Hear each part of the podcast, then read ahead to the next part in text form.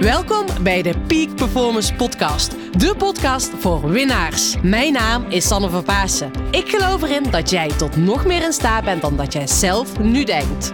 In deze podcast interview ik inspirerende gasten en geef ik tips om structureel topprestaties te leveren. Hiervoor heb je een hoge energie nodig, die je met toewijding doelgericht inzet. Niet als een eendagsvlieg, maar juist keer op keer. En dat vraagt durf en lef. Wil jij met een energieboost en vol inspiratie je dag vervolgen? Blijf dan vooral verder luisteren. Come on and move your body now and feel the energy of life. Tof dat je er vandaag weer bent en gaaf dat je weer gaat luisteren naar de Peak Performance podcast. En vandaag heb ik een enorm mooi interview op de planning, namelijk het interview ga je zo meteen luisteren met Peter Joosten. Peter Jooster is echt vervent biohacker en daar gaan we het ook over hebben. En je zult misschien denken, wat is nou biohacking? Nou, dat ga ik je zo vertellen. Ehm, maar dit is natuurlijk de Peak Performance podcast, waarbij ik jou wil inspireren om topprestaties te leveren. En dat doe je op allerlei verschillende manieren. En vandaag gaan we het dus over biohacking hebben. En ja, weet je, je weet bijvoorbeeld ook als je naar deze podcast vaker luistert, dat ik het heel vaak heb over een, een ochtendroutine. Dat je even tijd voor jezelf neemt. Dat je als het ware op die manier met een frisse start, vol energie en focus de dag kan beginnen. Nou, biohacking is ook zoiets. Weet je wel, voor biohacking zijn verschillende definities en ik heb ze er even voor je bijgepakt. En eh, biohacking eh, kan ook wel eens zijn of omschreven worden als klooien aan je lijf. Nou, dat is natuurlijk niet wat we helemaal letterlijk gaan doen, maar je gaat wel je omgeving beïnvloeden om optimaal te, eh, te presteren en te functioneren. Dat is een andere definitie. En ook een definitie die Peter zelf op zijn website geeft, is het optimaliseren van je lichaam door gebruik van biologie en technologie. Of het is de symbiose van je lichaam met technologie. Dus wat, eh, wat biohacking in mijn opzicht is, is uh, de kennis die we vanuit wetenschappelijk onderzoek hebben, hoe jij die kan vertalen door uh, je omgeving aan te passen of door zelf dingen te doen, waardoor je nog meer optimaal gaat presteren. Nou, ga naar deze podcast luisteren, laat je inspireren, kom in actie, want daarmee ga je het verschil maken. Dus schrijf iets op uh, tijdens de podcast, maak aantekeningen, want dan onthoud je het beter en zorg ervoor dat je dus ook er echt mee in actie komt. Uh, dus dat vind ik tof. En vergeet ook niet om het werkboek te downloaden, want ik heb een werkboek gemaakt. Uh, doe meer door minder. Hoe jij met meer resultaten kan bereiken door minder te doen. En ik kreeg gisteren nog een uh, toffe reactie van een van mijn nieuwe klanten die dit werkboek had ingevuld. Hij zegt: Sanne, ik heb dat werkboek ingevuld en bizar wat er toen is gebeurd. Ik kreeg inzicht, ik wist in één keer waar ik naartoe onderweg was. En er gebeurde ook energieshifts, want ik had mijn blokkades ineens helder, waarin ik dus kon gaan groeien. En ik had ze niet alleen helder, ik ging er ook mee aan de slag. En dat is zo vet, dat je dus, doordat je dingen gaat opschrijven, dat er echt shifts gaan uh, ja, plaatsvinden. En dat er als het ware echt kwartjes vallen. Nou, dat is iets uh, waar ik je echt heel graag mee wil helpen. Dat je ook echt in die actiemodus komt. En dat je ook die energieshifts gaat maken. Nou ja, ga dat werkboek downloaden. Je vindt dat, die link hier in de bio. En uh, nou, ga nu lekker luisteren naar dit mooie interview met Peter.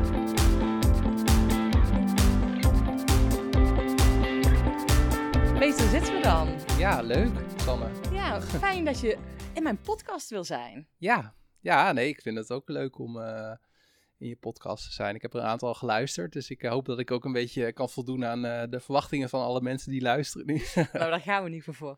Peter, mijn eerste vraag is eigenlijk, waar krijg jij het meeste energie van? Uh, het meeste energie krijg ik ehm, eigenlijk als ik um, voor een zaal sta.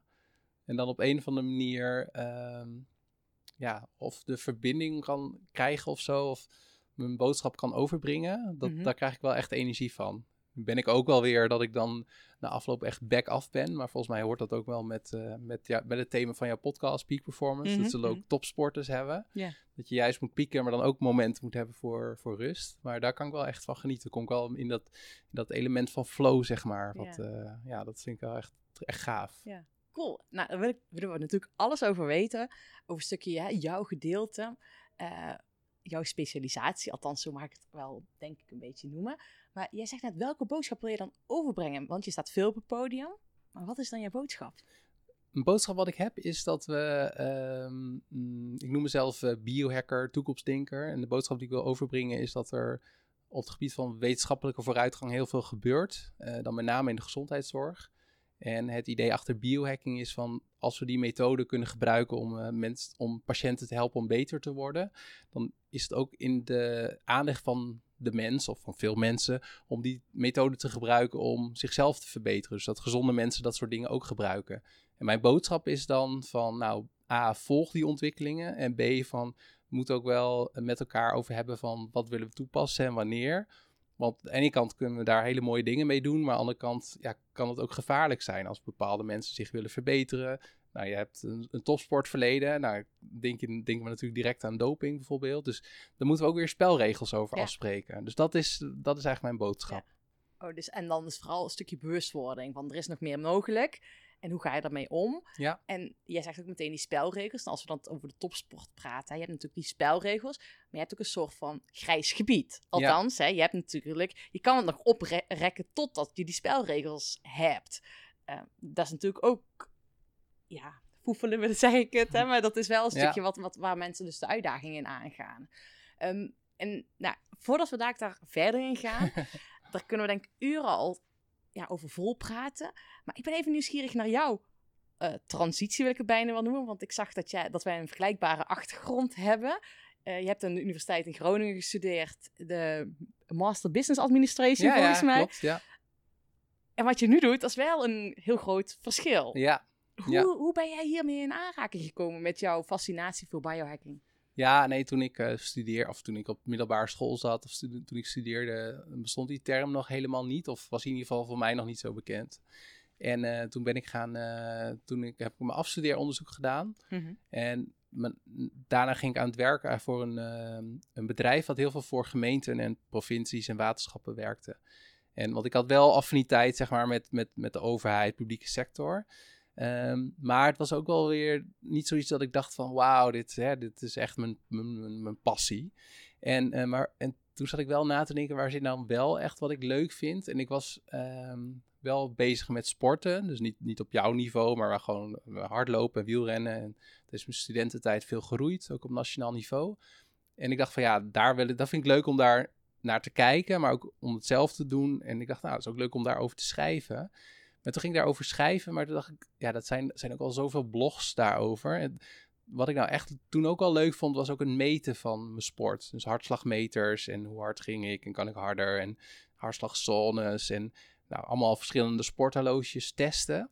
En toen, ging ik daarover schrijven. Ik dacht, oh, dat is leuk. En toen kwam ik erachter dat er eigenlijk een hele wereld is van dingen die je allerlei kan, kan meten aan jezelf. En dat wordt ook de quantified self genoemd.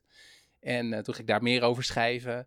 En toen eh, ehm, eh, kwamen op een gegeven moment vrienden naar me toe. Die zeiden van, nou leuk Peter dat je allemaal dingen meet en daarover schrijft. Maar wat, wat kun je daar nou echt mee?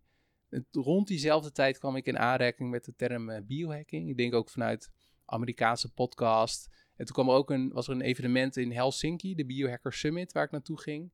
En toen dacht ik echt van wauw, was ik echt gewoon weggeblazen van wow, dit vind ik echt gaaf. Het gaat nog een stap verder dan meten, maar ook echt, echt ingrijpen. Het ging ook, ook al over peak performance, maar er waren ook sprekers die dan ook al over meer wetenschap en technologie spraken. Ja, en toen ben ik eigenlijk die rabbit hole in, eh, ingerold en... eh, ja, toen kwam ja, eigenlijk een beetje van het een het ander. Dus ik zeg wel eens, ik heb mijn uit de hand gelopen hobby. Eh, want ehm, de eerste aanvraag, ik aan het begin had ik echt, weet ik veel, 30 bezoekers per maand op mijn blog. Maar ik vond het zelf heel leuk. In één keer kreeg ik een mailtje, zo ding. Er stond van Mensa, dat is een vereniging wereldwijd. eh, die hebben dus ook een, een afdeling in Nederland van mensen met een IQ boven 130. Want anders mag je niet bij de Mensa. Die organiseerden een oktoberweekend. En ze vroegen of ik daar wilde eens komen spreken. En toen dacht ik, Wauw. een zaal met super slimme mensen. Maar dat, daar had ik twee dingen geleerd. De eerste was van, als ik, ehm, ik bleef gewoon heel dicht bij mezelf. Ja. Dus, dus het was niet dat ik werd afgefakkeld door die mensen. Dat vond ik hartstikke leuk. En tweede, dat ik ook dacht van, hé, hey, dat is leuk. Van, ehm, eh, op het moment dat ik, eh, zij willen blijkbaar iets betalen, was toen echt niet heel veel hoor, om iets te horen wat ook al gewoon online beschikbaar staat. En toen is voor mij die combinatie van bloggen en spreken en toen is het allemaal verder gegaan. Toen is het gaan rollen. Dus uiteindelijk, dat is wel heel mooi wat je zegt. Je bent echt datgene gaan doen wat je heel erg leuk vindt, wat dicht bij jezelf staat. En toen heb je het spreken ontdekt. En door ook te spreken over thema's die dicht bij jezelf gaan, is het eigenlijk gewoon gaan rollen. Ja, ja, eigenlijk wel. Ja. Wel grappig, want ik weet dat volgens mij nog, dat jij dus naar Helsinki ging. Eh, toen zat jij wel op mijn eh, netvlies, of dat ik jou toen al, of dat je er een paar keer bent geweest, dat weet ik niet. Maar in ieder geval, ik weet dat je dus bij die Biohackers Summit bent geweest.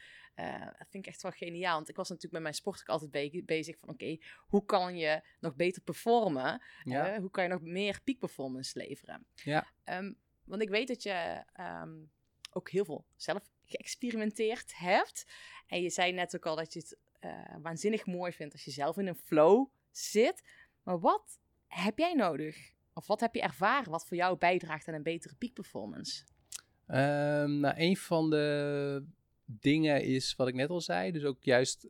En ik heb ook een lange periode gehad dat ik eigenlijk eh, constant. eh, volgens mij sloeg het een beetje door naar te veel peak performance. Ik weet niet of je dat herkent, maar dat ik gewoon. Op het moment dat ik eh, een volle week en dan ook een weekend altijd peak performance wil. Mhm. En op een gegeven moment eh, merkte ik gewoon, eh, dan, dan vreet het aan de andere kant vreet het aan, aan, aan, aan mijn peak performance. Want op een gegeven moment kreeg ik gewoon minder gedaan, was ik minder blij en dacht ik van ja, dit is ook niet goed. Dus juist ook zeg maar die afwisseling tussen eh, presteren en, en rust vinden, dat is denk ik wel belangrijk. En iets wat ik bijvoorbeeld sinds een tijdje doe, is eh, als ik dan een stuk ging wandelen of zo. Dan, of in het begin heb ik ook ging ik hardlopen en dan ging ik ook nog weer een luisterboek luisteren of een podcast luisteren.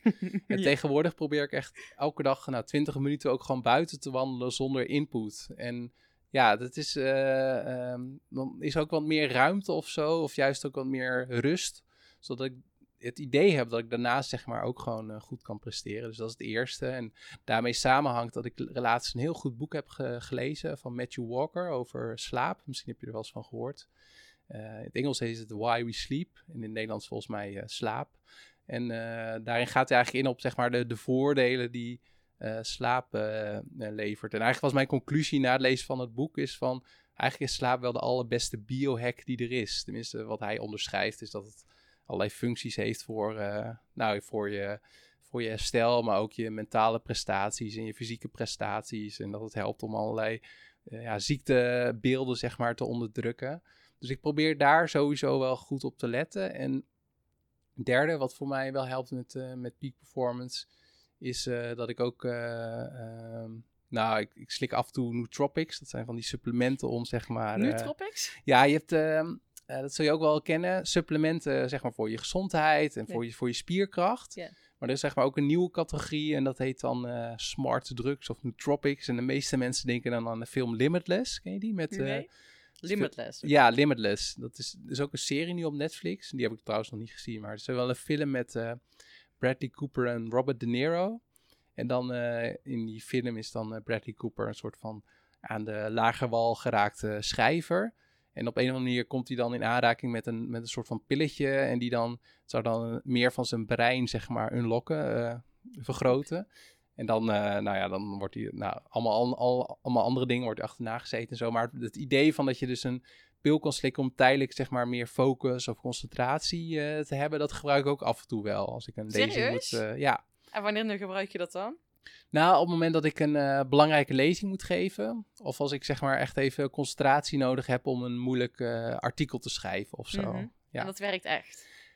Nou ja, dat is altijd wel een beetje de vraag. Ik heb dus het idee dat het werkt. En voor mij, ehm ik kan het niet helemaal in cijfers uitdrukken, maar ik, heb, ik denk wel dat het werkt. Maar de vraag is dus, ja, komt het door de stofjes in, in, in die nootropic of Ja. is, is het zeg maar een placebo-effect? Ja, ja, Denk ik dat ik wat extra doe en daarmee dat het werkt.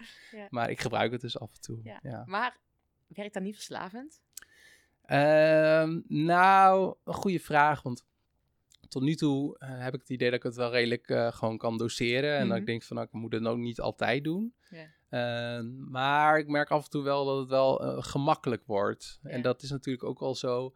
En dat, dat vind ik wel grappig, want het zit ook wel een beetje in de term biohacking. Uh-huh. Van kun je bepaalde eh, ja, afkortingen nemen, bepaalde hacks, bepaalde shortcuts nemen. Ehm, ja, en in zekere zin kan het wel. Alleen ja, ik denk wel dat ik wel moet opletten van ja, waar, waar gaat het ten koste van? Want Ja. ik denk van, als dat ook de nieuwe norm wordt, dat je Ja. altijd van die pillen slikt. En ja, gaat, voor mezelf, maar ook voor mijn lichaam. Dus ik probeer daar wel een beetje Ja. bewust mee om te gaan. Ik vind het wel grappig wat je, zegt nu. Hè? Van, eh, wat wordt dan de nieuwe norm? Ik ben een groepje topsporters, begeleid ik nog. Ze zijn autocoureurs en zij zijn in de race voor de Formule 1. Ehm, en het zijn jonge talenten tussen de 15 en de 19 jaar. En het is ook elke keer bij mij de vraag van... Oké, eh, die jongen van 15, hoe, met hoeveel ga ik ze al... eh, meegeven, welke tools ga ik ze meegeven? Ook al ga ik ze allemaal en een mentale trainer en een eh, perso- perso- eh, personal trainer en een eh, sportdiëtist en nou, gaan we zo maar door. Ja. Ehm, wanneer doe ik er elke weer een stapje bij? Want wat wordt dan steeds weer de norm? Hmm. Maar wat me net bij jou binnen schiet, van, zou die ook op de dopinglijst staan? Die nootropics. Ja, Eh, goh, dat durf ik niet te zeggen. ik ga want het voor je ik, uitzoeken. is, want, want dat vroeg ik me wel af. Ik weet niet of jij dat weet. Is er zeg maar een globale dopinglijst of Ja. verschilt dat per sport? Nee, het is zeg maar een. eh, toevallig heb ik er afgelopen periode een, eh, een workshop eh, over gehad, over doping, omdat ik met die gasten Ja. dat dat had geregeld. En er is een landelijk, of een landelijke, een globale voor de wereld, is er een dopingagentschap. En daar staan alle informatie op, alle regels op. En doet ieder land zit daar een ja, vertaalslag. Die maakt het dan zeg maar naar Hmm. het land en begrijpelijk. En is dan een vraagbaak voor dat land. Maar dat is voor alle sporten hetzelfde. Ehm, ik zit alleen, volgens mij is er fitness is buitengesloten. Eh, dus zeg maar de bodybuildwedstrijden. Dus en daar zie je dus ook veel meer dat suppletie. Hè? Mensen met Ja. eh, supplementen, verkeerde supplementen. eh, zie je wel, dat moet ik wel met sommige lichamen. ja, ja, ja. maar dat is inderdaad. Maar dat is wel interessant, want ik, ik, heb, eh, dat was, ik heb vorig jaar gesproken op het Tata Steel Chess Tournament. Ja. En nu weet ik, zit ik eh, dat te zeggen, denk van, nou, ik denk wel dat ze daar ook worden gecontroleerd. Maar dat weet ik eigenlijk niet. Maar ik denk van, ja, voor, zou, ik zou me theoretisch kunnen voorstellen dat een bepaald middel is dat voor schakers echt niks uitmaakt of zo. En voor wielrenners Ja. wel werkt. Maar je hebt dus eigenlijk één, één grote Ja. lijst. Ja, het is één grote lijst. En het is sterker nog, het kan dus, zou dus kunnen dat eh, het supplement hè, van die nootropics, eh, wat jij gebruikt, eh, dat dat zou mogen. Maar het kan dus zijn dat het eh, gefabriceerd is in een fabriek waar dus wel dopinggerelateerde Mm. stoffen in zijn, zijn gemaakt. En nu is er eh, in het veldrijden een meisje pas geschorst geweest dat zij supplement had gehaald bij de apotheek. Ja. En daar zaten die medicatie zat nog in de machines. En daardoor is zij, zaten dopingstoffen in. Ja, weet je, en er zijn dus ook gecertificeerde eh, ja, pillen, eh, supplementen, die dus echt gespe- eh, ge- ja, gecertificeerd kan kopen. En dat moet je eigenlijk doen als topsporter zijn. Mm, ja. Heel Ja. ingewikkeld. Nee, ik heb gelezen over haar. Ik vind het wel interessant hoor. Want ik denk altijd van, oh, als er Nederlandse sporters in het nieuws komen omdat ze doping hebben gebruikt. En los van, van, de, van haar gevallen hoor. Maar dan denk ik, ja, het is, wereldwijd gebeurt het. Wat voor dingen doen we in Nederland wel en niet en zo. Ja. Maar wat jij zegt, dat, dat moet je echt super goed opletten. Ja, ja. ja. ja. Ja, en het is natuurlijk. Ik heb destijds ook wel eens de. Nou ja, het gokje genomen dat ik gewoon een, eh, weet ik veel, een vitamine C-pil eh, bij de, van het kruidvat haalde. Ja. Of dat ik gewoon een, wel een gerenommeerd merk, een eh, Ortica bijvoorbeeld, daar kocht ik mijn supplementen van. Maar die waren niet, die badge was niet gecertificeerd, maar ik Mm. nam ze wel. Dat Ja. risico heb ik ook genomen. Nou, zij heeft dus dat risico ook genomen, maar ja, ze is gepakt. En ja, het is heel vervelend, maar daar ben je wel als verantwoordelijk voor als topsporter. Weet je, je, Ja. je moet wel je carrière serieus nemen. En ik, ja, ja, ik heb dat zelf ook gedaan. ja. Ja. Dat is wel een... Oeh, een, eh, Oeh. bekentenis hier. Nee, ja, dat is, geen- weet je, ja, dat is een risico van het vak, hè. Ja. Dat is, het kan de verkeerde kant uit, eh, uitvallen. Maar het stukje, ja, ik vind het ook wel heel mooi wat je nu zegt, want je geeft eigenlijk drie concrete tips, hè. Dus afwisseling presteren, rusten, het wandelen zonder input en die nootropics, hè. Of het slapen noemde je ook. Maar heb je ook gemeten, want ja, jij zoekt heel erg die eh, wetenschappelijke benadering op. Ehm, heb je dus ook gemeten dat wanneer je dus meer rust, of hè, dagelijks misschien die 20 minuten wandelt, dat dat ervoor zorgt dat je beter presteert? Nou, van die eh, wandelen niet zozeer. Dus dat is echt gewoon een subjectieve ervaring die ik heb. Maar een van de dingen die ik eh, wel graag meet, ik weet niet of je er wel eens van hebt gehoord of dat aan bod is gekomen in je podcast, is hartritmevariabiliteit. En daarvan kan ik het wel zien, zeg maar, op het moment dat ik goed uitgerust ben, ben dat mijn uh, hartritme variabiliteit hoger is. Mhm. Wat een, een, een indicator is, zeg maar, van eh, de mate waarin ik ontspannen ben. Mhm. En daarvan ehm, ja, kan ik wel zien dat het weer een positief effect heeft, zeg maar, op mijn prestaties Ja. die dag. En dus misschien wel heel erg interessant voor de luisteraars. Ehm, wat is dat precies? Dat is, eh, ik moest in het begin heel erg wennen aan het concept. Ehm, even kijken of ik het goed uitleg. Maar je hebt een, eh, vroeger dacht ik altijd, nou, als je een hartslag hebt van 60 bpm, beats per minute, dat je dan hart precies om elke seconde slaat. Alleen het idee achter hartritmevariabiliteit is dat er tussen elke hartslag een kleine variatie zit. Dus de ene hartslag is 1,1 seconde, daarna 0,8 en daarna 1,2 en daarna 1,01 zoiets. Ehm, en het principe is, op het moment dat je eh, die variatie tussen al die hartslagen hoger is, dan is je eh, lichaam meer richting de, even kijken hoor, orthosympathische zenuwstelsel. In ieder geval zit je meer richting de, eh, is je, ja, is je, oh ja, dat is die meer in, in lijn, zeg maar, met je, ehm, meer gesynchroniseerd, zo vertaal ik het een beetje, met, met je lichaam. Dus je kan het ook andersom beïnvloeden, met adem- ademhalingstechnologie, technieken moet ik zeggen. Kun je zeg maar dat ook weer besturen, dat je dan ook zorgt dat je lichaam meer in, in sync raakt met, met, met eh, of je hartslag meer in sync raakt met je ademhaling, met je, ehm, ja, met je, ja, met je rust, zeg maar. Ja. Dus eigenlijk wat je zegt, als je een hogere hartslagvariabiliteit hebt, dan ben je eigenlijk meer ontspannen. Ja. En dan ben je meer in schroom met je parasympathisch zenuwstelsel. En voor de luisteraar, parasympathisch zenuwstelsel is het zenuwstelsel wat geactiveerd is in rust. Ehm, nou, daar hebben jullie misschien al in vorige podcast horen. Ik heb ooit mezelf helemaal overbelast. Ik alleen maar, eh, alleen maar aan het performen was. Destijds een combinatie van een studie, eh, een topsportcarrière en het runnen van mijn eigen bedrijf. Eh, nou, heeft mijn lichaam ergens een keertje zeg maar op de, op de rem gaan staan, een jaar lang. Eh, komt omdat mijn parasympathisch zenuwstelsel helemaal overbelast was. Ehm, nou, en toen was ik dus, eh, mijn hartslagvariabiliteit was weg. Helemaal weg. Dat is één metronoom, zeg maar, je hartslag. Ja, ja, Maar het stukje, ehm, hoe meet jij dat zelf, eh, de hartslagvariabiliteit? Nou, je hebt er eh, allerlei apps voor. En die variëren echt in, in de mate waarin het eh, gedetailleerd is of zeg maar heel gebruiksvriendelijk. Maar tegenwoordig meet ik het eigenlijk het liefst aan de hand van mijn ring. Het is een Fins, Finse ring. Oh, en ja. ja, jij kan hem zien, de luisteraar zal ik hem even omschrijven. Het is zwart en er zit ook een soort van ja, sensoren aan de binnenkant. Want deze ring, eh, mag ik de merk zeggen? Ik denk het wel. Ja, tuurlijk, van mij. Eh, jij hebt al Ortica gezegd. eh, sponsor van de podcast. Nee, ja, bij deze. bij deze. Jullie weten het nog niet, maar jullie krijgen binnenkort een factuur. Nee, nee Wees maar niet bang, jongens. maar Auda of Ora, want het is een Fins bedrijf. Ehm, kijk, ik, je hebt, de meeste mensen kennen wel, zeg maar, die activity trackers of smartwatches, sporthorloges, ja. smartwatches. Maar het aardige van deze ring is dat ik vind dat die, eh, dat die een hele mooie app hebben. En dat die ook dichter op de huid zitten, zeggen ze zelf. En deze meet dus ook mijn, eh eh mijn hartritmevariabiliteit. Eh, en ook eh, mijn slaapkwaliteit. Oh. Omdat die naast zeg maar, die hartslag neemt hij ook nog mijn lichaamstemperatuur mee. Mhm. Dus al die indicatoren verwerkt hij in een algoritme tot een bepaalde score. Ja. Dus ik gebruik vooral deze ring om eh, Ah. te meten. Ah, dat is wel interessant. Dus, dus je hoeft niet alleen naar je hartslagvariabiliteit te gaan kijken. Je hoeft ook niet alleen naar je slaapkwaliteit. Het is gewoon een score. En dan zie je bijvoorbeeld als die score hoog of laag is, dat je denkt, oh ja, ik moet even extra wandelen.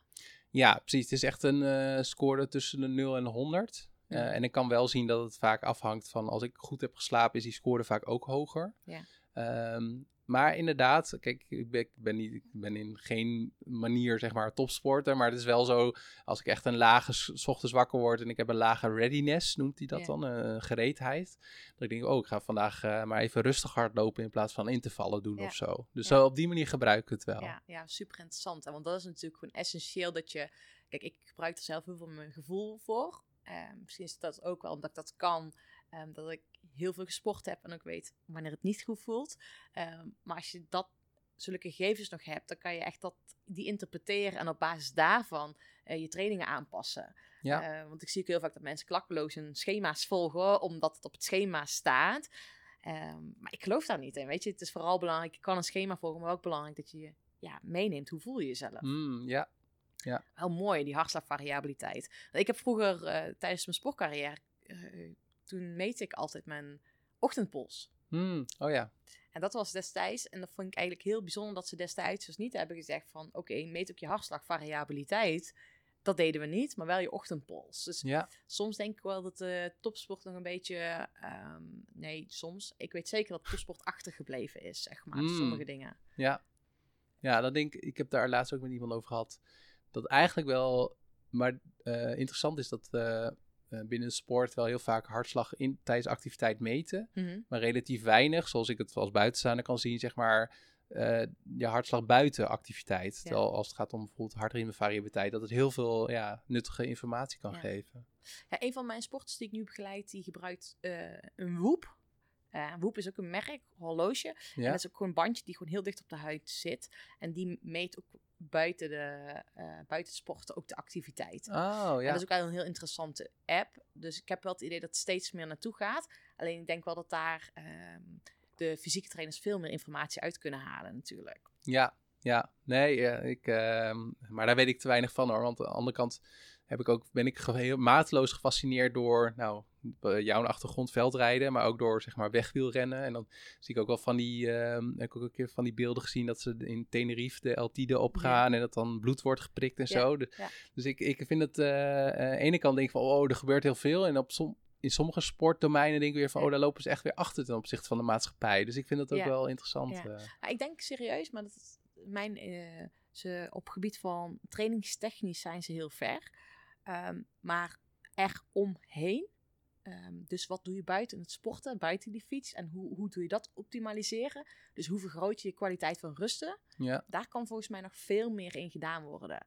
En ehm, een van, eh, van de sporters die ik begeleid, eh, had moeite met rusten. En ik heb hem de term, term supercompensatie uitgelegd. Hmm, Voor jou denk ik wel bekend. ja. Dus dat je extra rust neemt om, voordat je gaat performen. En hij noemt elke keer, eh, voordat hij gaat dus pieken, Ja. weet je, neemt hij een supercompensatiemoment. Dat doet hij ook dagelijks. Hij zegt, ik ga, zegt niet tegen mezelf dat ik ga rusten, want rusten vind ik gewoon nutteloos. Supercompensatie klinkt als... Oh, wat goed, ja. Dat is heel vet. Ik denk, ja, dat zit er gewoon een mindfuck bij jezelf. ja. Rust is slecht. Maar dat is wel heel erg mooi. Nee, maar het is ook wel jouw kwaliteit dan als coach slash adviseur. Omdat, omdat hè, je kan wel je- bepaalde kennis hebben om dat echt te laten klikken bij iemand. Het kan net voor hem of haar dat die term zijn. Voor iemand anders weer iets anders. Ja. Ja. Dus inderdaad, die, die, die shift die er gemaakt gaat worden. Want weet je, jij bent nu heel veel actief met de transitie richting gezondheidszorg. Mhm. Welke nieuwe dingen zie je daar dan gebeuren?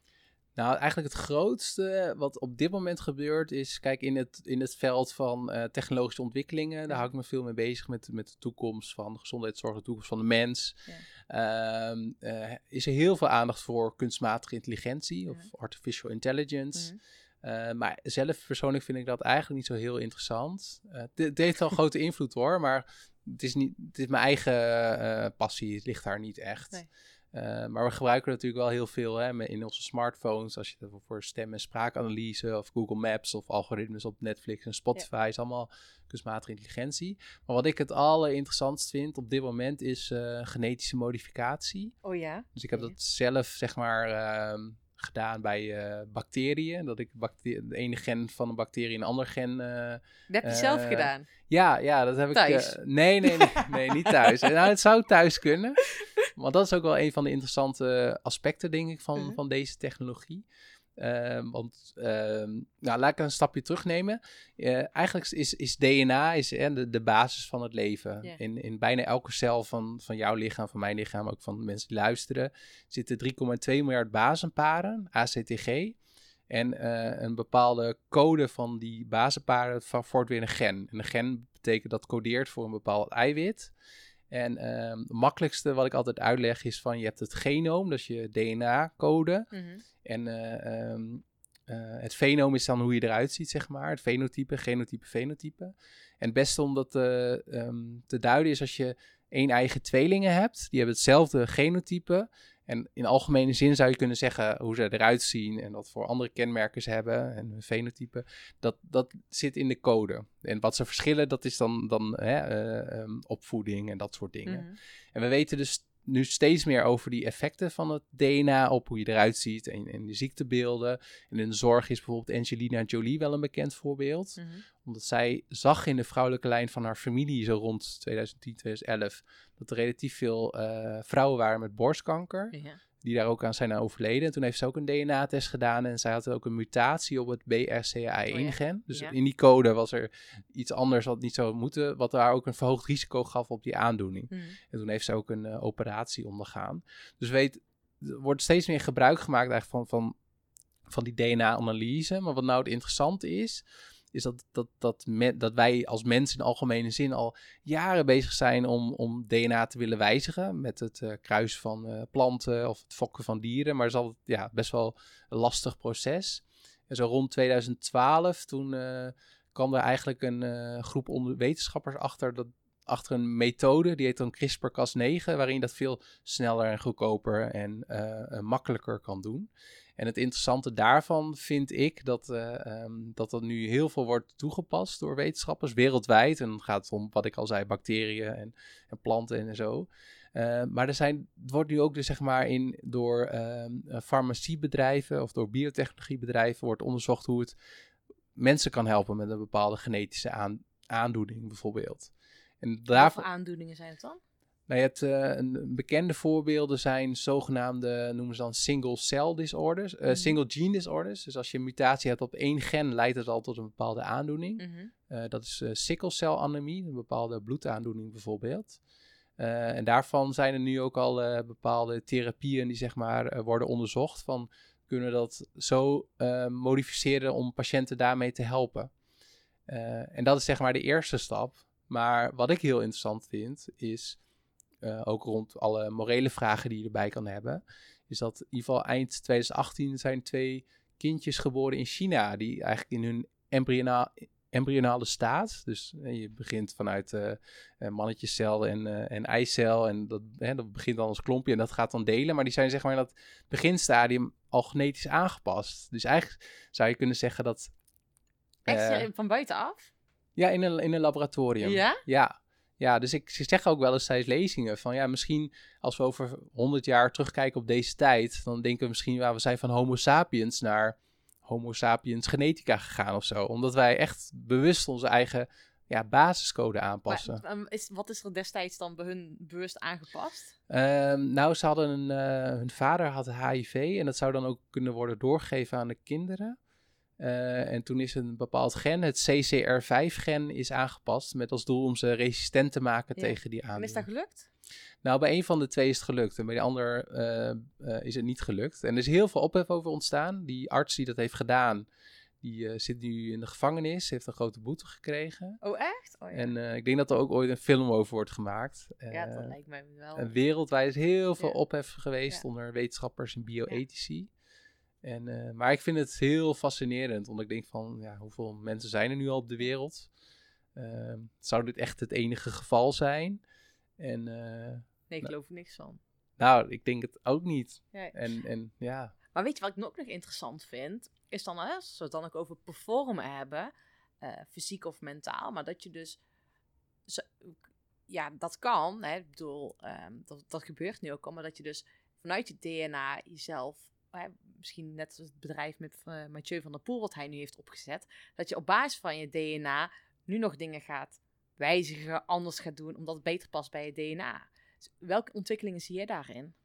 ja dat, is, ehm, dat is, vind ik ook heel boeiend. Want dan gaat het inderdaad nog om DNA-analyse. En eh, daarin zie je een heleboel eh, bedrijven en initiatieven eigenlijk al oppoppen. Dus ja, je kan je eigen DNA analyseren en krijg je een rapport van. Maar er zijn ook ehm, bedrijven die diëten aanbieden op basis van DNA. En eh, volgens mij ook relatieadvies. Ik heb ook een keer iemand gesproken. ja, dus, je past bij deze persoon op basis van, eh, van jullie DNA. Oh, dat is volgens mij dat programma. Maar ik weet niet of dat programma, een datingprogramma op televisie. Maar ik weet niet of dat. Of dat er nog in, ja, ik, ik kijk het amper. Zo niet de Love gezien. Island of zo. Wat, Ja. maakt niet uit. Maar ook, ik had dus iemand gesproken die ook lopenbaan assessments doet op basis van DNA. Nee. En dat, eh, ja, en eh, daarvan vind ik, wordt het ook wel een beetje eh, grijs gebied. En ook het initiatief van, en dat, die zei dat ze ook bij een profclub dat aanbieden. En, en dan, wordt het, dan, dan vind ik het wel, want dan raakt het ook wel, zeg maar...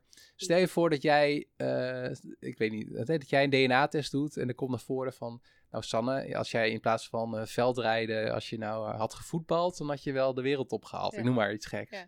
Dat is toch bizar, want gaan we mensen dan al heel vroeg zeg maar in een bepaald malletje stoppen? Dus aan de ene kant kan het de performance wel heel erg vergroten. Maar aan de andere kant raakt het ook wel iets, iets menselijks van eh, een soort van vrije, vrijheid van keuze of zo. Ja, En, en, en sowieso vrijheid van keuze, maar ook het feit dat je kan wel ergens goed in zijn of beter voor zijn, maar als je er niet gelukkig van wordt, ja, waarom zou je het dan gaan doen? Weet je, het heeft Ja. ook iets anders met een stukje gevoel te maken. Ja, ja ik denk dat, dat je daar, ik denk dat dat nog wel eens wordt onderschat. Een, een- ik ben zelf ook best wel eh, gevoelig voor hè, meten, rationaliteit, niet te veel gevoel, maar eh, volgens ben je mij. daar gevoelig voor? voor... Voor- eh, ja, ja, dat, oh ja, dat is ook wel weer grappig. Maar, maar je hoort ook zoveel mensen die, los van of ze sport of niet, maar op het moment dat je er geen lol in hebt, dan houdt het ook gewoon wel heel snel op. Dus dat, Ik heb daar zelf wel wel een mooi voorbeeld van.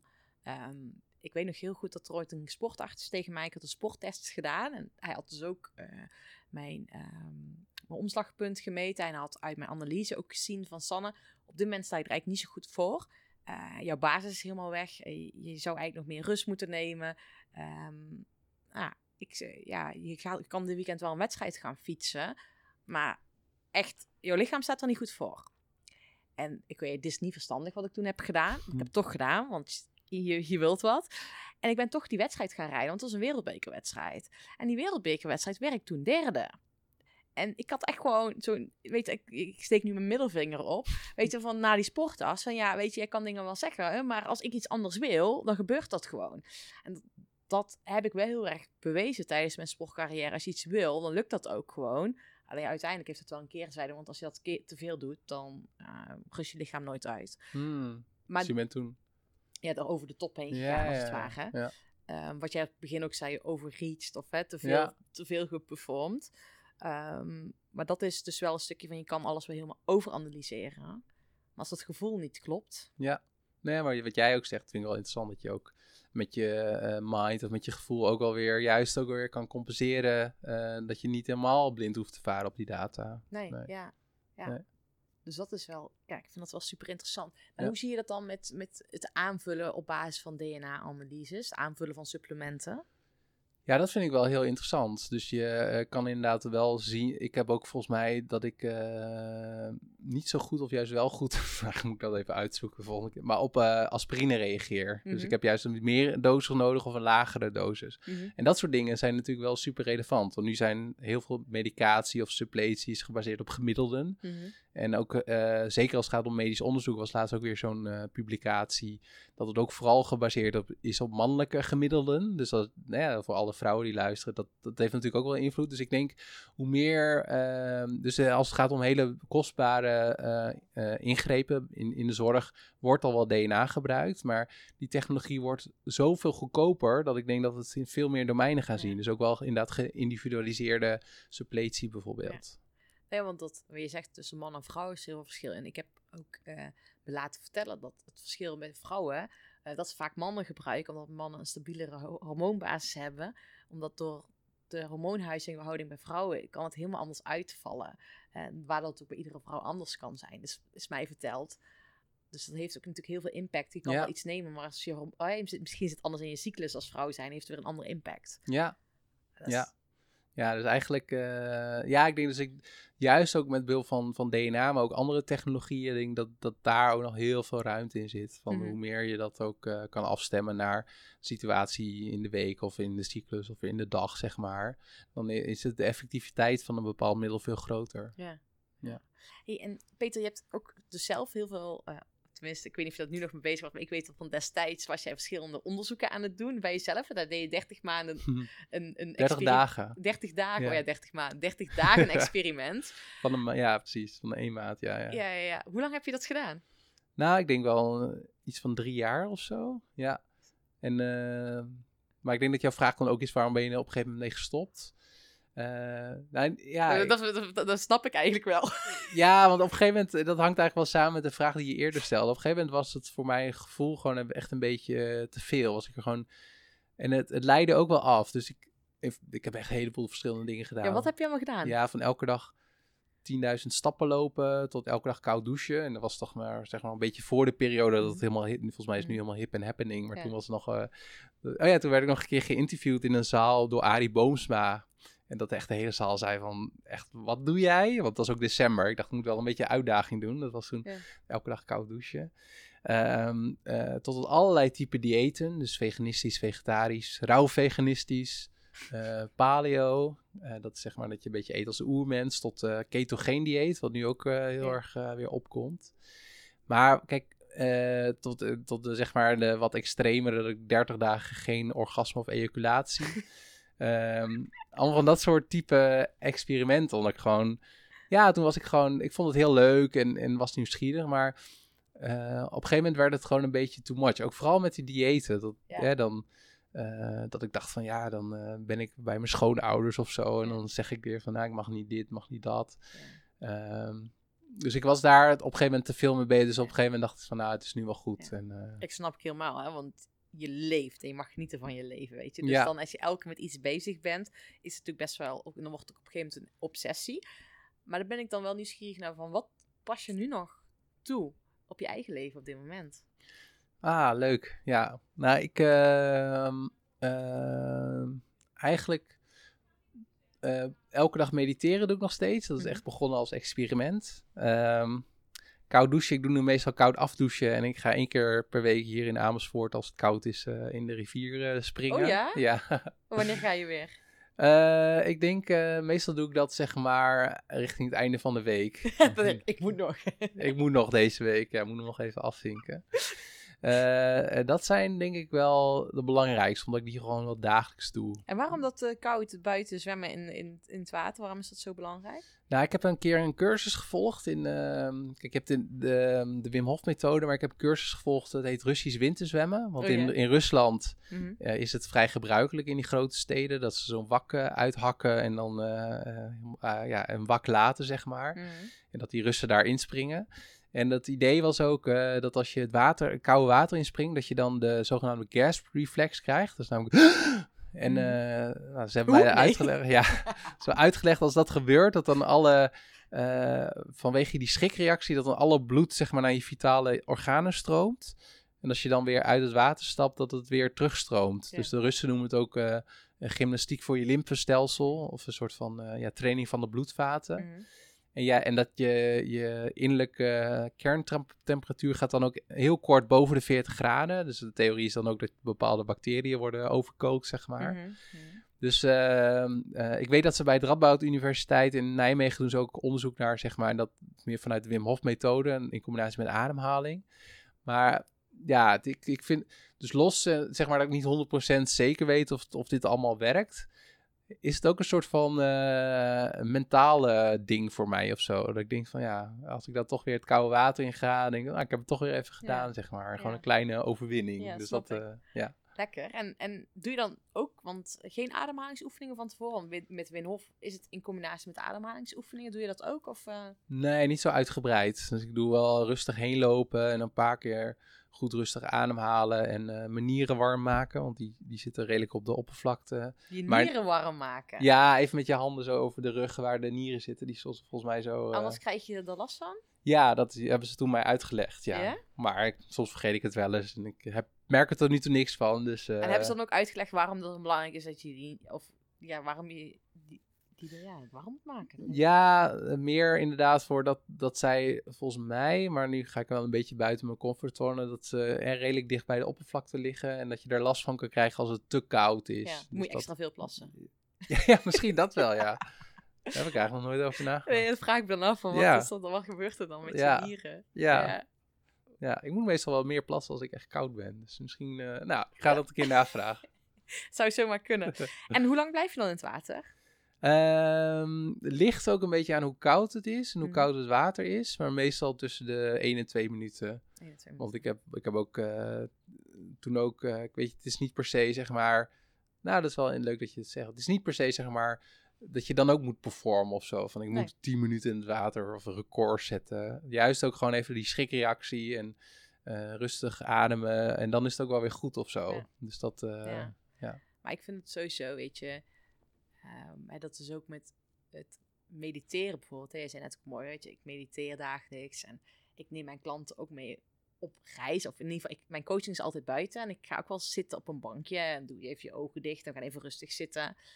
En eh, focus je aan, aandacht, aandacht maar wel naar je ademhaling of wat dan ook. Ja, zou je kunnen zeggen dat je aan het mediteren bent. En dan gaan ze er soms thuis ook mee aan de slag. En dan zeggen ze, ja, maar het lukt niet. Hoezo lukt niet? Ja, mijn hoofd is niet stil. Ja, maar weet je, en we denken dan dat ons hoofd stil moet zijn. Of weet je, je mediteert pas goed als je geen gedachten hebt.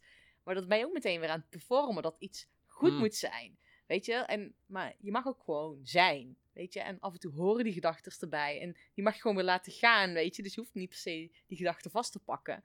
En dat vind ik ook wel opvallend dat af en toe mensen gewoon te veel eh, Ja, daarin ook willen performen. Ja, wel heel herkenbaar hoor, wat je zegt. Ik vind dat ook wel moeilijk hoor, omdat je, als je echt maar overdag bezig bent wel met bepaalde prestaties, of het nou sportief of iets anders is, en dan nou, bijvoorbeeld mediteren, dan ja, het is toch een soort van mindset wat, wat, wat laat ik het even op mezelf, wat me ook wel ver heeft gebracht. Dus Ja. dan om het dan weer even tijdelijk los te laten voor iets anders, dat is nog wel lastig, vind ik dat. Dus dat... eh, En welke mindset bedoel je dan? nou, de mindset van dat juist willen presteren en, Ja, en doelen behalen. Ik bedoel, dat is ook eh, iets wat je, ja, ja, iets wat, ja, wat je bepaalde ehm, prestaties al heeft opgeleverd. Ja. En om dat dan juist ook in bepaalde situaties weer te kunnen loslaten, is ook weer juist een kracht. Ja. Ja. Ik, ik, ik snap wat je bedoelt. Omdat je gewoon die drive hebt en je weet dat het werkt. Ja. Ik heb ook wel echt, ervaren dat het rusten dus ook echt werkt. Ehm, want wanneer me- mediteer jij dan? Ik eh, ben sinds kort ook echt een cursus begonnen. En daarvoor deed ik het één keer 10 minuten 's ochtends. Maar ik doe nu 's ochtends 15 minuten en 's avonds 10 minuten.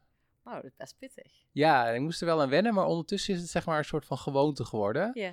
En eh, nou, gaat het, eh, Ja. gaat het goed. En dan ben ik wel even helemaal nieuwsgierig. Want mediteren ga je zitten 15 minuten. Oké, ik ga zitten en mijn ogen dicht. Of wat doe je dan? Nee, ja, ik deed altijd ogen dicht. Ik had al een app die ik eh, Mhm. luisterde. Maar nu bij die cursus moeten we met ogen open doen. Oh ja? En dan ook, eh, nu zit ik in de fase dat we adem moeten tellen tot en met 10. Mhm. Maar op het moment dat ik afgeleid ben, dan moet ik weer bij 1 beginnen. Ja. Dus heel vaak is het zo, dan 1 en dan... Oh nee, ik denk nu weer aan eh, mijn boodschappenlijstje. En dan 1. Oh, ik denk weer wat ik zo meteen moet doen. En dan 1. Oh, ik denk weer aan mijn podcast die ik net had. Wat had ik beter kunnen doen? Dus soms kom ik echt eh, niet tot... eh, En tot... frustreert, frustreert dat niet? Nou, in het begin wel. Ja. Ja, eigenlijk nog steeds. Ik moet wel eerlijk zijn. En, eh, maar het wordt langzamerhand eh, Ja. wordt beter. Dan denk ik, oké, Ja. ja. het is er. Ja. En, eh, nou, oké. Ik vind het wel grappig, maar ik experimenteer ook met verschillende dingetjes. Nu doe ik mijn ogen dicht. Nu zit ik 's ochtends, ehm, zit, zeg ik I am, I am, I am. En zeg ik alleen maar dat. Alleen dan gaan er ook af en toe gedachten door je hoofd en dan, oh ja, I am. Ja, maar dat, ik vind het wel mooi wat er, wat er dus Ja. gebeurt. Je bent jezelf aan het trainen. En wat me dus... eh, ik heb toevallig er een luisterboek over geluisterd, over mediteren, afgelopen weken. En iemand zei, ik weet niet hoe jij dat doet of hoe jij dat ervaren hebt. En toen dacht ik, dat is wel helemaal waar. Iemand zei, of hij zei dus, je moet eigenlijk niet net voordat je gaat slapen gaat mediteren, want mediteren is gewoon een mentale training. Weet je, het is net als dat je fysiek gaat trainen. Eh, een krachttraining is een meditatie ook een training van je brein, want je bent je focus elke keer aan het verleggen. Of hè, je wil eigenlijk je focus op niks, of op je ademhaling, of op iets wat je tegen jezelf zegt. En op het moment dat je daarna gaat slapen, dan kan het best wel zijn dat je even Mm. overweldigend bent, want je hebt even 10 minuten zitten trainen, soort van. ja. Ervaar je dat zo na meditatie? Ehm, nou, er zit altijd wel een, een kleine pauze tussen, tussen dat ik eh, s'avonds heb gemediteerd en ga, ga slapen. Zeg maar 10 minuten, kwartier. En ik ga dan meestal ook nog even wat lezen. Dus ehm, daar heb ik niet zoveel last van. Maar ik vind het wel leuk wat je zegt, want dat was iets wat ehm, eh, eh, over die training. Omdat ik eh, vooraf dacht ik ook van ja, mediteren dat is allemaal een beetje zweverig en uh, geitenwolle sokken. Maar wat ik wel heel krachtig vind, misschien ook voor je eh, performance-driven luisteraars. Want voor, ik zie het nu ook, probeer ook echt, als, ik ga mediteren, door het gewoon, ik, in plaats van push-ups doen of hardlopen, ga ik nu even ja, mentale training doen. Ja. En voor mij helpt het dan wel om de juiste mindset, ja, juiste mindset te hebben voor die sessie. Ja. Dat is eh, Maar en is me- mentale training dan mediteren aan zich? Of doe je nog meer voor die mentale training? Ehm, nee, momenteel is dat wel de, het, het eh, mediteren op zich. Ja, S'avonds doe ik nog wel dat ik een, eh, in mijn dagboekje schrijf van waar ik dankbaar voor ben. En ook, ik lees ook de Daily, Sto- Daily Stoic. Dat is een boekje van Ryan Holiday. Misschien is die wel een keer voorbij gekomen. Waarin elke dag zeg maar een, een, een les uit stoïcisme staat. En daar, ja, soms... Ik, was heel, ik wou heel deftig zeggen, daar filosofeer ik over. Maar het is meer dat ik dan Val denk... ik mee in slaap? Ja, het is weer dat ik denk, soms denk ik van, oh ja, dat eh, is wel van toepassing. En soms dan, ga, dan, ja, let ik, dan gaat het, dan vervliegt het weer een beetje. Maar eh, zoals ik zou niet weten meer wat het van vandaag is. Volgens mij, nee. Maar als ik het nog bedenk, dan zeg ik het wel. mooi. Nou ja, ik vind het wel mooi wat je zegt. Hè. Is in plaats van dat je dus als je vermoeid bent, dat je dus een mentale training kan gaan doen. Hè. Dat is mediteren. Ik vind dat ook echt geweldig. Of dan mediteren is of gewoon een powernap doen. Dat werkt voor mij ook echt. Als ik merk dat ik echt denk, poeh, bijvoorbeeld ik een lezing heb gegeven en ik heb misschien nog een coaching gehad. En ik wil dan gaan sporten, dan helpt het mij eerst even om vijf minuten even op bed te gaan liggen. En dan zet ik de wekker en dan kom ik ook echt in zo'n toestand ehm, waar ik in ik mijn huid echt voel tintelen. Dus dat is echt, die powernap vind ik echt heerlijk. Maar wat ik ook toepas is een stukje visualiseren. Dat is natuurlijk ook gewoon mentale training. Hè? Van oké, hoe zou je willen dat iets gaat? En dat kan natuurlijk sportief zijn. Maar je kan ook een gesprek visualiseren of een, een lezing visualiseren. Of nou ja, noem maar op. En dat is natuurlijk ook gewoon mentale training. Hmm, ja, zeker. Ja. Ben je nog ergens voor aan het trainen?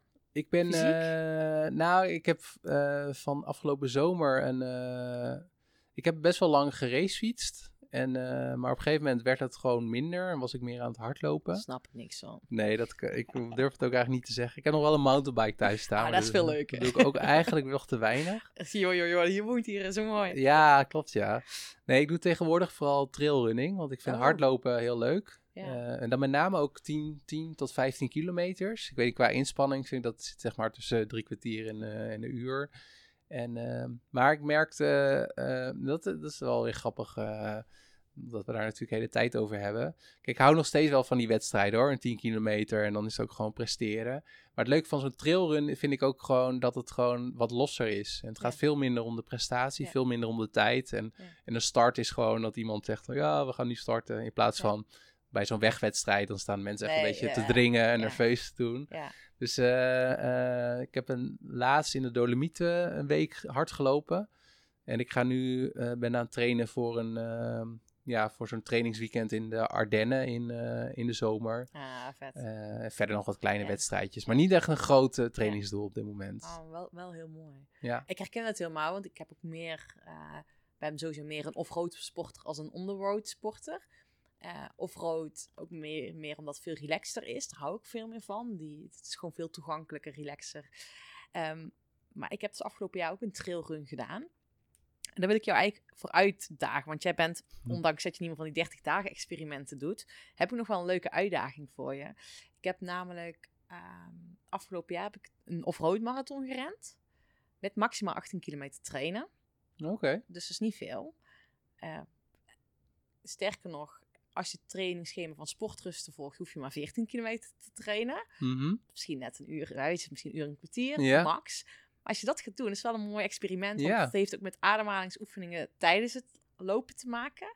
Ehm, nou, en ik heb natuurlijk heel veel mentale training gedaan. Zeg maar dat ik het gevisualiseerd had. Wat ga ik met die pijn doen? Hoe ga ik dat verbijten? Hmm. Eh, hoe, hoe ga ik mijn mindset shiften als die pijn komt? En, en volgens mij past die ook helemaal bij jou. Eh, biohacking van oké, hoe kan je met zo min mogelijk trainen toch een topprestatie neerzetten?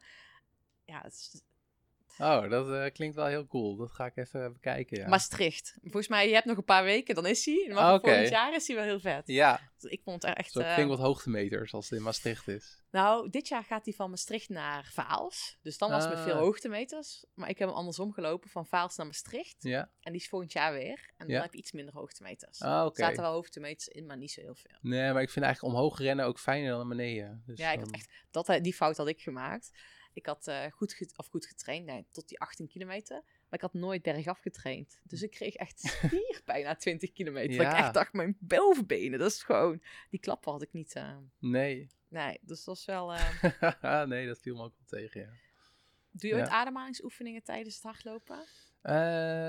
Nee, eigenlijk te weinig. nee. Want wat, kun je zeggen wat, wat je daar hebt geleerd? Nou ja, ehm, is ik, wat ik heb geleerd door hè, vaak kom je uit een gestreste toestand, we gaan, spa- of Ja. toestand, gaan we sporten heel vaak hè, Ja. om te ontspannen. Ja. En dan gaan we sporten en dan gaan we meteen met de vliegende start beginnen we. Ja, ik weet niet ja. of je dat herkent. ja, hè? ja, zeker. Ja. En vooral als je dan met een groepje vrienden gaat, dan is het in één keer bam. ja.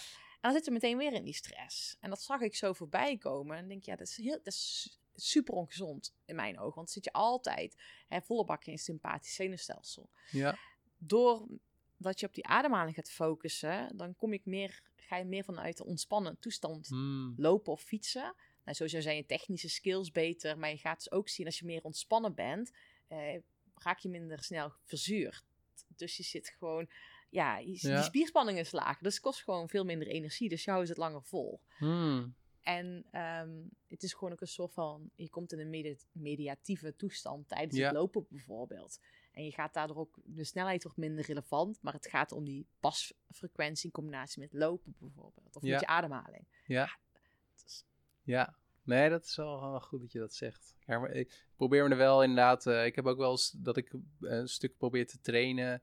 Echt op wat lage tempo en bijvoorbeeld alleen door mijn neus te ademen. Ja, ja, bijvoorbeeld. dat, dat soort dingetjes doen- oefening, Ja. oefening wel. ja. Ja, maar dus dan doe je het al onbewust. Maar dat, dat, dat, dat, dat soort oefeningen zijn Oh, dat. Ja, En, maar dat zou je eens echt eens moeten on- eh, uitzoeken. Ik heb wel eens onderzoeken gelezen dat ehm, als je dit dus veelvuldig doet, ehm, dat je dus zeg maar het effect van hoogtetraining kan evenaren. Hmm. Dat je dus het effect als je dus gaat, door je neus gaat ademen en je gaat ehm, korter inademen. eh, nee.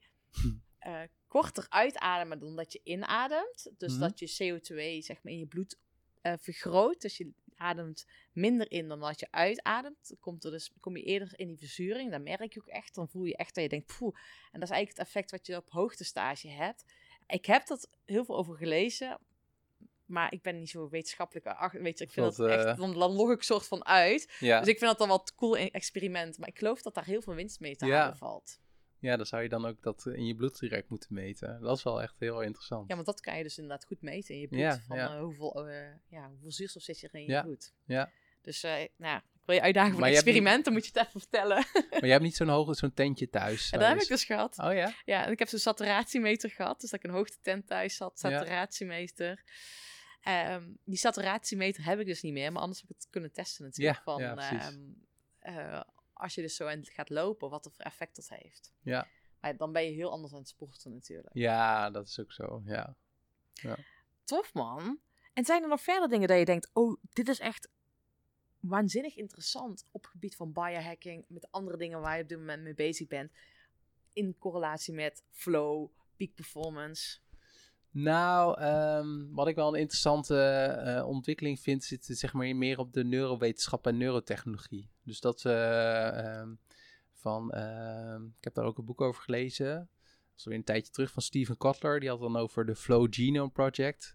En dat ze ook met bepaalde eh, brain-computer interfacing of bepaalde sensoren aan de buitenkant van de schedel van eh, actiesporters gingen meten wanneer ze in flow zijn of niet Oh ja. Omdat eh, om in flow te komen moet je ook eh, aan een bepaald eh, criteria voldoen. Dus het moet een taak zijn die net te moeilijk is, maar die je net wel aan kan, maar waar je wel een beetje tegenop ziet.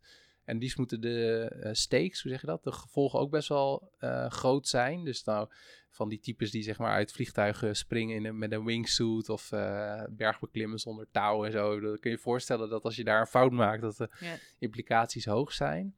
En daar, en daar meten ze dus van, ja, wat gebeurt er in hun brein? Wat gebeurt er in hun hormonale stelsel op het gebied dat ze in die peak performance komen?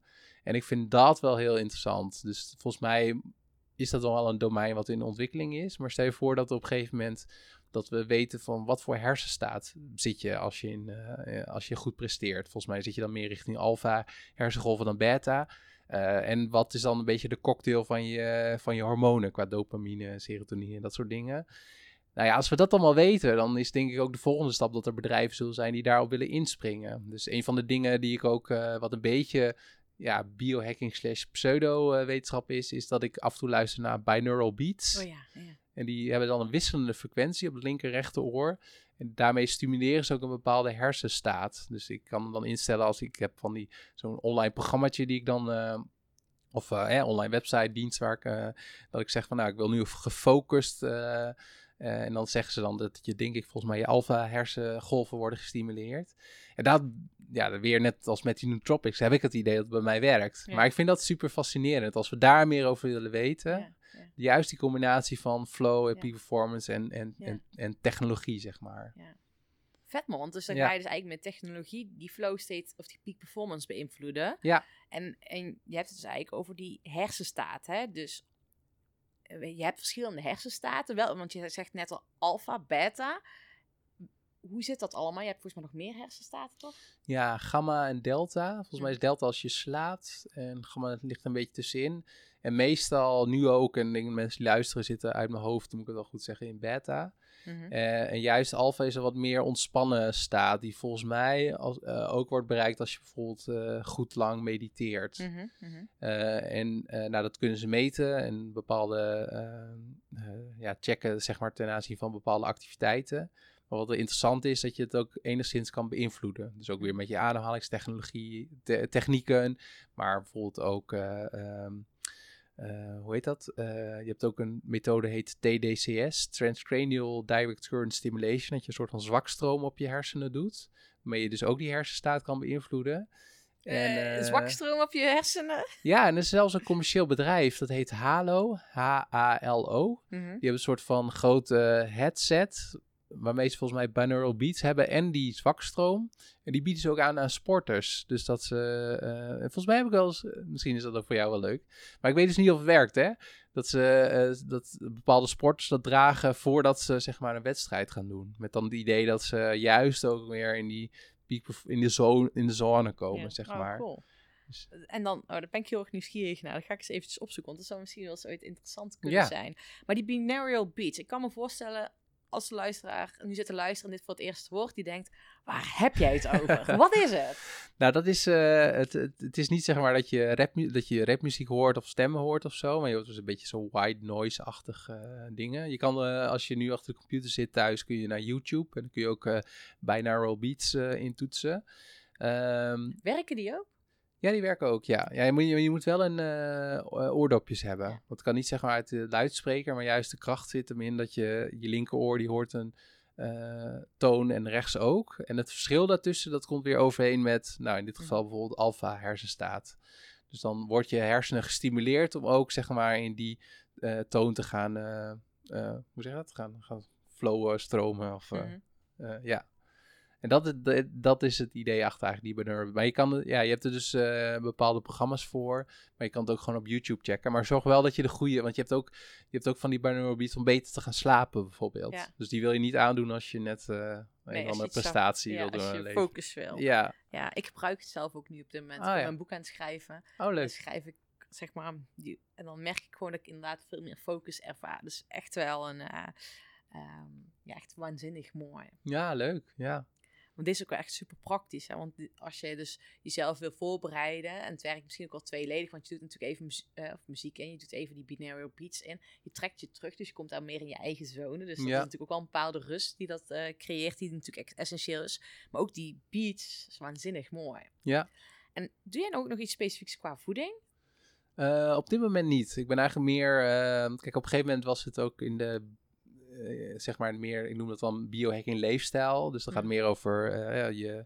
eh, terwijl ik zit meer op die biohacking toekomstachtige. Maar binnen de biohacking leefstijl was op een gegeven moment ook de carnivore diet in. Dus dat je alleen maar vlees en vis eet. Oh, echt? En nou, die kwam ook op mijn radar. Maar ik dacht van, nou, dat vind ik zeg maar ook vanuit een wereld klimaatcrisis perspectief eigenlijk niet verantwoord om, om dat te doen. Ik zou wel heel nieuwsgierig zijn hoe dat, eh, hoe dat zou gaan. Dus tegenwoordig eet ik, ja, flexitariër. Ik denk dat ik Ja. bijna nooit meer vlees eet. Wel af en toe een zoute haring, vind ik wel heel goed. En lekker bedoel ik, en de omega-3 Ja. eh, vetten. Maar ik doe niet een, een bepaald dieet, hoewel af en toe aan intermittent fasting. Oh ja. Dus het overslaan van één of meerdere eetmomenten. Ik voel me daar ook wel goed bij. Eh, maar het is wel minder extreem dan het eigenlijk was. Ja. ja, maar ik vind het wel mooi, want je ziet gewoon, als ik jou zo spreek, ehm, En je hebt van alles geëxperimenteerd en eigenlijk uitgezocht, dit past bij me, dit past niet bij me. En nu leef je gewoon en je past af en toe dingen toe dat je denkt, oké, weet je wel, eh, dit heb ik nu nodig. En je bent inderdaad, qua topic zit je nu veel meer richting de toekomst. eh, wel waanzinnig mooie thema's waar je mee bezig bent. Ja, dankjewel. Ja, het is echt. eh, het is ja, in de loop van de tijd meer verschoven naar meer die toekomst. Maar het is op dit moment echt iets waar ik echt heel enthousiast van word. Dus dat is. eh, ja. Heb je ook al met fut- futurologen gezeten? Natuurlijk heb je dat met mee gezeten. Ja, ik word soms zelfs gelabeld als futuroloog. Dus Dat is wel, Serieus? eh, ja, af en toe denk ik van oké, eh, maar dat is wel, ja, wel leuk. En het is ook wel... e- Een van mijn grote voorbeelden, die was laatst, eh, of die was eh, begin februari, februari in De Wereld Draait Door. Eh Yuval Noah Harari, die heeft boeken geschreven zoals eh, Sapiens en Homo Deus. En dat is wel een van mijn, zeg maar, inspiratiebronnen, omdat dat iemand is, dus hij is een historicus. Maar hij, ja, ik vind dat hij heel mooi, niet, niet als een soort van profetie van dit gaat gebeuren, maar Mhm. meer van scenario schetsen. Van ja, we zitten nu best wel op een interessant eh, punt in de tijd. Van, Ja. Dus er is heel veel mogelijk, maar we hebben ook best wel veel problemen als Ja. wereld en als mensheid. Eh, maar er zijn wel bepaalde keuzes eh, die wij nu maken in de politiek bijvoorbeeld, die een grote invloed hebben op, de- op onze toekomst. Ja, En, en dat vind ik heel, eh, heel interessant inderdaad. Ja. gaaf. En ehm, is het dan ook zo, want daar ben ik dan nieuwsgierig naar als futuroloog, of als je met de toekomst bezig bent, dan druk je ook een soort van eigen stempel op iets Ja. wat je denkt dat gaat gebeuren. Is dat iets wat vanuit nature, dat het vanzelf ging? Of heb je dat ook echt die stempel moeten ontwikkelen, dat je denkt, oké, ja, eh, fuck it, dit is wat ik denk wat er gaat gebeuren, of dit is wat misschien impact gaat hebben. Heb je dat zo ervaren, dat dat, dat op het begin misschien lastiger was? Ja, ja, maar dat heeft ook met inderdaad met ervaring te maken. En ook een soort van, eh, ja, eigenwaarde is niet het goede woord, maar meer vertrouwen erin. Dus in Mhm. het begin, ja, we kijken ook vooral naar wat anderen zeggen en anderen schrijven. En Ja. probeer ik me dat eigen te maken en dan ook uit te dragen. Maar nu meer en meer eh, ik zelf denk, die kennis ook voel dat ik die heb, Ja. probeer ik dat zelf ook uit te dragen. Ja. Dus- en het is altijd wel een, inderdaad een balans, want ik wil ook wel, wil ook weer niet een soort van goeroe zijn, omdat Ja. ik het ook wel denk van ja, ik heb ook geen idee hoe de wereld eruit ziet over tien jaar. Maar ik vind het wel belangrijk dat eh, mensen in het algemene zin wel bewust zijn van wat er allemaal mogelijk is. En Ja. eh, als we voor dingen kiezen, wat voor negatieve gevolgen dat ook kan hebben. Ja. En, en hè, want dat is natuurlijk waanzinnig hè, dat je zo ook meer de voordelen bent gaan zien. Dat als je het wel gaat delen, van wat, hoe belangrijk het is voor andere mensen, dat je gaan in, inzien. Hè, want ik weet gewoon dat heel veel van mijn luisteraars hier ook mee kunnen worstelen van, ik wil wel iets, ik weet, hè, ik wil er naartoe, maar het is wel een beetje spannend. Of hè, weet je, je moet uit je comfortzone komen. Heb jij nog meer dingen van, oké, als jij iets spannends gaat doen, of misschien een keertje weer voor zoveel mensen staat dat je denkt, oh, wow, dus zoveel mensen. Wat doe je dan als jij... nou, ik, eh, eh, ik moest denken aan, dit is alweer even geleden, maar ik doe het eigenlijk nog wel steeds. Ik mocht een keer een, eh, in 2018 een TEDx-lezing geven in Delft. Mhm. En er waren 1500 mensen of zo. En er waren echt een grote... 1500. Ja, ik heb nog nooit voor zoveel gestaan, maar ik was echt zo zenuwachtig. Omdat ik dacht van, jeetje, het is ook een TEDx, is toch een bepaalde stempel of zo. Maar toen, voordat ik opkwam, had ik, deed ik ademhalingsoefeningen. Eh, dan denk ik- deed ik vier seconden in, dan vier seconden vasthouden, vier seconden uit en weer vier seconden vast. Dat is ook een soort bepaalde yoga-ademhaling, om ook soort van rustig en ontspannen en in flow te komen. En ik eh, luisterde naar eh, een eh, nummer van Calvin Harris. Dat heet Feels. En die had ik op repeat. Om gewoon mezelf in een goede stemming te brengen. En, en ik dacht van wat er ook gebeurt vanavond slaap ik gewoon weer in mijn bed. En dus ook een soort, ja, een soort van oké, oké, het is belangrijk, maar weet je, het is ook weer niet zo belangrijk. Dus die dingen die probeer ik nog wel. Ja. Als ik iets spannends vind, doe ik dan nog Ja. wel, ja. Ja, super cool. Ja, dat je gewoon eigenlijk tegen zegt, ja, weet je, wat, wat is nu het ergste dat er kan gebeuren? Ik ben vanavond gewoon weer thuis. Ja, Prima. Ja, ja, dat is wel mooi. En ik herken dat eh, ook met die muziek en met die ademhalingsoefeningen, die pas ik zelf ook toe. En muziek bij mij is Adele. oh ja.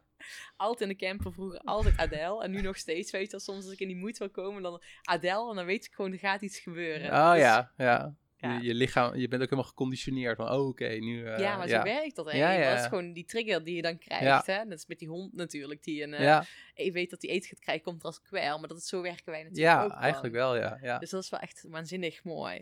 hey Peter, volgens mij hebben wij weer heel veel, of nee, wij, jij hebt heel veel Nou, waardevolle informatie gegeven aan de luisteraars. En echt ook wel een paar hele praktische tips. En dat wandelen, dat vind ik echt, weet je, die 20 minuten wandelen zonder input, die heb je het begin aangegeven. Maar die is echt waanzinnig. Ik doe het zelf ook af en toe. Ik, jij maakt me weer bewust van, die mag ik weer structureel gaan doen. Dat je even zelf gewoon naar buiten gaat, optimaal geniet. En luisteraar, neem iets mee. Ga vandaag in actie komen. Want dit is wel een hele praktische. En toevallig in, in topsporten zei tegen mij ook. Ik doe dat ook iedere dag. Als een mentale training om gewoon bewust te wandelen. En dan niet je gedachten laten varen. Maar oké, wat hoor ik? Wat zie ik? Hoe voel ik me? That's it. Hmm, mooi, ja. Dus dankjewel. Graag gedaan. Ik vond het een leuk gesprek, leuke vragen. Dus eh, Ja, ja, Mooi. thanks. nou, jij bedankt. Box. Box. leuk. Thanks man. Yes. Bedankt voor het luisteren van deze podcastaflevering. Ik vind het zo gaaf dat je tot het einde bent gebleven. Nou, daar wil ik je natuurlijk ook voor bedanken. Ik wil nog twee dingetjes meegeven. Ga naar mijn website toe. Daar heb ik een toffe weggever staan waarbij ik je help vol energie je doelen te realiseren. Moeiteloos, recht op de finish af en ik help je zakelijk winnen zonder privé te verliezen. Nou, ik zou zeggen, ga eventjes eh, naar mijn website en daar vind je deze gratis download. En ik help je dus echt mee om recht op de finish af te gaan. En daarnaast wil ik je vragen, want het is mijn missie om nog meer mensen, om duizenden mensen te inspireren met deze podcastshow.